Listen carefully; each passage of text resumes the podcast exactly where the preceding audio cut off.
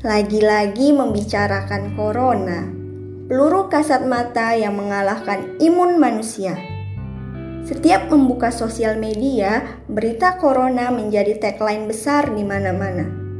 Melihat Bapak Ahmad Yuryanto membacakan korban yang terus bertambah setiap harinya, bagaikan makanan pokok yang harus kita konsumsi untuk tubuh kita.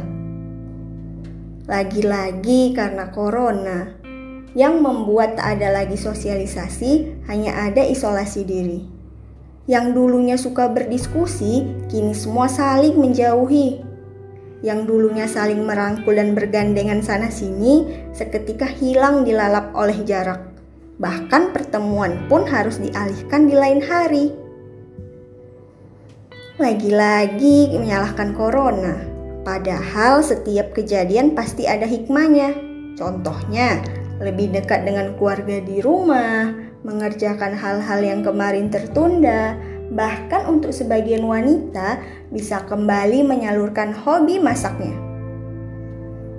Hmm, aku harap ini hanya sementara, berjaga jarak dan bertemu hanya melalui tatap muka via gadget semata.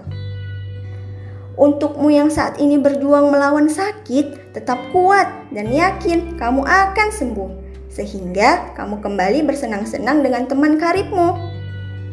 Dan untuk kita yang masih diberi kesehatan, tetap menjaga, jangan bandal, ikuti apa kata pemerintah.